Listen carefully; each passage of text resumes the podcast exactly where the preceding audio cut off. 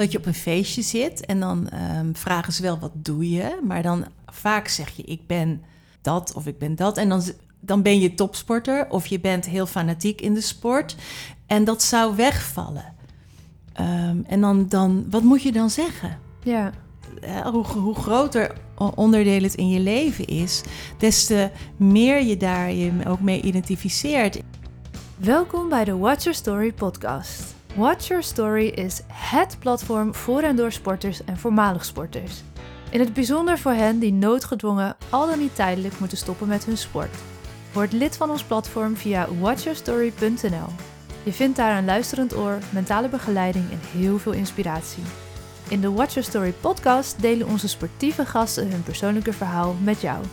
Want vergeet nooit, je bent niet alleen. Your story counts. Welkom bij deze vijfdelige podcast special waarin ik in gesprek ga met Marianne van der Werf. Marianne is psychosociaal therapeute en in deze eerste aflevering hebben wij het over het verliezen van je identiteit als sporter. Vaak identificeer je jezelf met je sport of met je beroep en hierdoor verbind je jouw eigen waarde en identiteit aan je prestaties in de sport. Dit kan tot mentale problemen leiden wanneer je bijvoorbeeld moet stoppen met sporten vanwege een blessure, ziekte of einde carrière, zeker als dit plotseling of onverwacht gebeurt. Marjan vertelt over het belang van het toelaten van de emoties die hier vaak bij komen kijken en over het ruimte geven aan het rouwproces. Vooral bij jonge sporters kan het verlies van sport en je identiteit als sporter extra pittig zijn. Dit is vaak omdat het hele gezinsleven ook om de sport en de sporter draait. In de komende vier afleveringen, die de aankomende vier dagen online zullen komen, gaan wij ook dieper in op de verschillende fases van rouw en je identiteit los van de sport. Ben jij nu een sporter die tijdelijk langs de kant staat of ben je helemaal gestopt en vraag je jezelf af: wat nu? Ontdek wat je nog meer kan en wil in onze online cursus Finding Yourself Beyond Sports. Ga naar onze website watchyourstory.nl en meld je vandaag nog aan. Marjan, welkom in de podcast. Wat fijn dat je hier wil zijn vandaag. Ja, dankjewel. Ja, ik vond het heel erg leuk ook dat je me uitnodigde. Ja, echt een eer. We hebben allebei uh, een rit erop zitten van morgen richting Utrecht. We wonen heel ver uit elkaar in Nederland, maar op deze manier viel het uh, mee en was het goed te doen. Ik vind het echt een eer dat jij hier vandaag wil zijn en met onze miniserie gaat opnemen voor de podcast. Dus de komende dagen, jongens, kunnen jullie Marjan horen in de podcast. En ook uh, voor het platform gaan wij nog hele mooie dingen opnemen. Dus als je nou denkt aan het eind van de week, ik wil meer weten, dan uh, moet je daar zijn. Hey, Um, we gaan het gelijk in deze eerste aflevering hebben over stuk identificatie. En uh, dat begint heel leuk met dat ik je ga vragen: hey, wie ben jij dan eigenlijk? Ja, ik ben Marianne. En eh, we hadden het er natuurlijk recent al over dat je heel snel de neiging hebt om, uh, ik zou daar heel logischerwijs achteraan zeggen, ik ben psychosociaal therapeut. Uh, maar dat is niet wie ik ben, het is wat ik doe. En dan kom je gelijk bij het stuk identificatie, dat wij in ons leven ons al heel snel identificeren met wat we doen, wat we denken, um, wat voor emoties we ervaren. Ik ben moe of ik ben verdrietig. Um, nou ja, jij bent podcastmaker vandaag. Ja, precies. Um, als dat te sterk gebeurt, als je je heel erg sterk identificeert met bijvoorbeeld je emoties of met je beroep, dan is een logisch gevolg dat jouw eigen waarde en jouw identiteit daaraan vast komt te kleven. Maar we zijn het enorm gewend, want in de taal zeg je, hè, je eh, eh, vaak, vaak als je beroep heb je het over ik ben niet wat je doet. En ik ben me daar heel erg bewust van dat ik steeds vaker ehm, zelf ook als voorbeeld al zeg ik voel me verdrietig of uh, ik heb nu last van pijn in plaats van dat ik, hè, dat, dat ik de pijn ben bijvoorbeeld. Um, en ik ben dus geen psychosociaal therapeut, maar ik heb een praktijk voor psychosociale therapie waar ik mensen begeleid voor hooggevoeligheid en trauma, burn-out met name.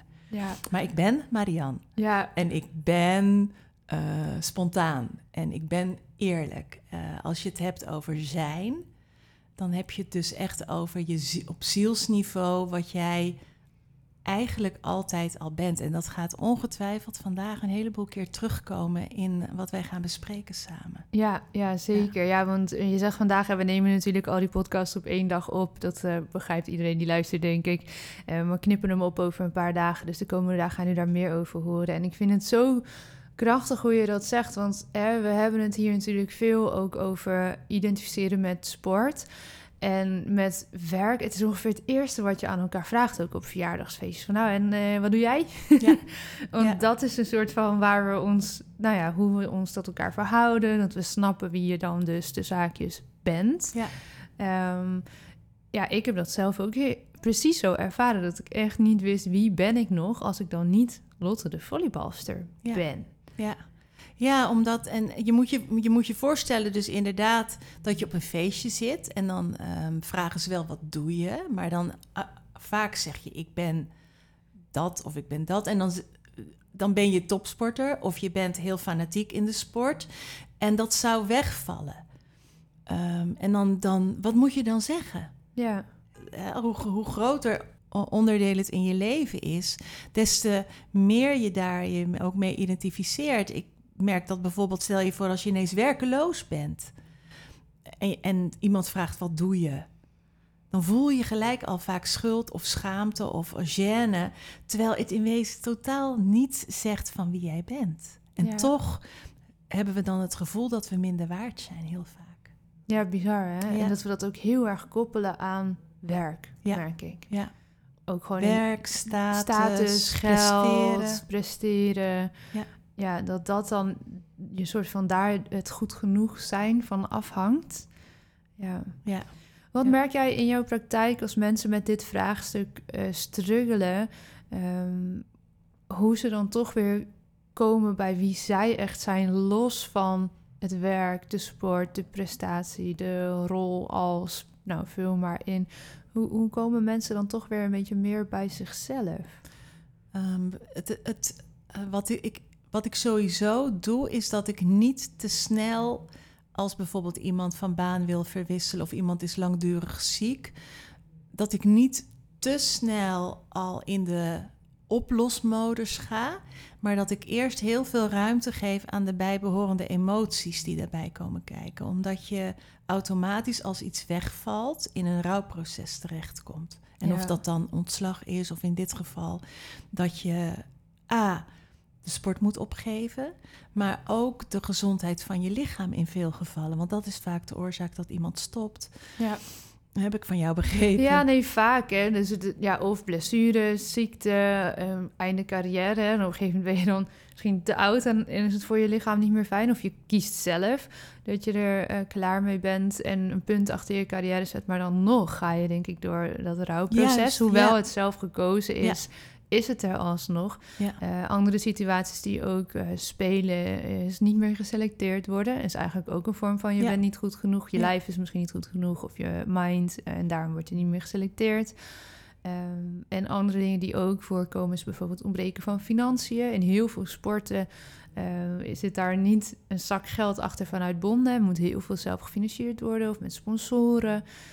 En natuurlijk heb je ook situaties waar er gewoon eh, te weinig steun is vanuit het thuisfront, het sociaal netwerk. Eh, zeker als je een heel jonge sporter bent, is dat ja, wezenlijk om die prestaties te Ja. kunnen leveren.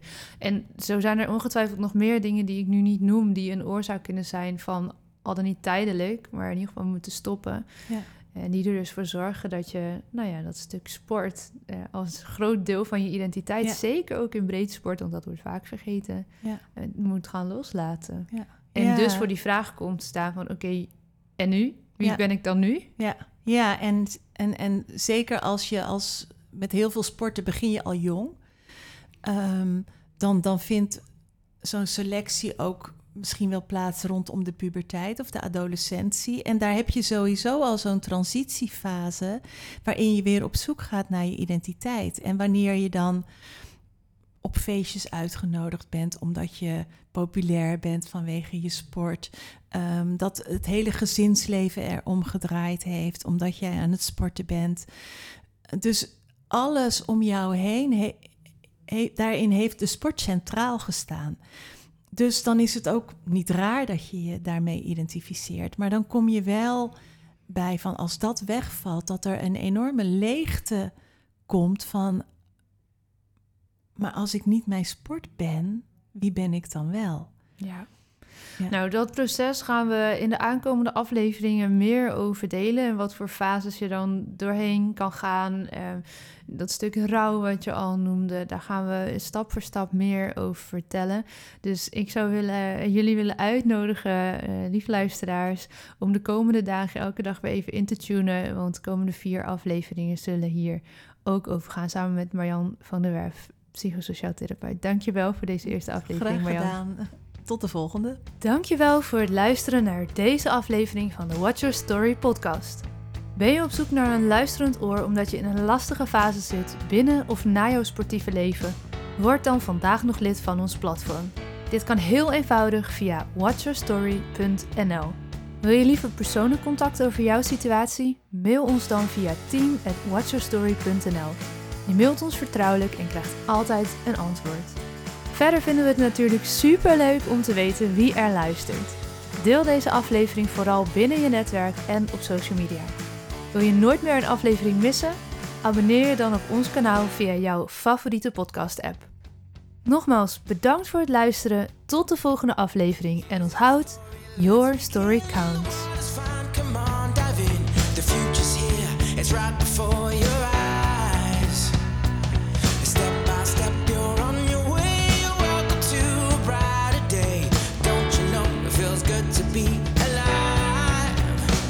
You could be larger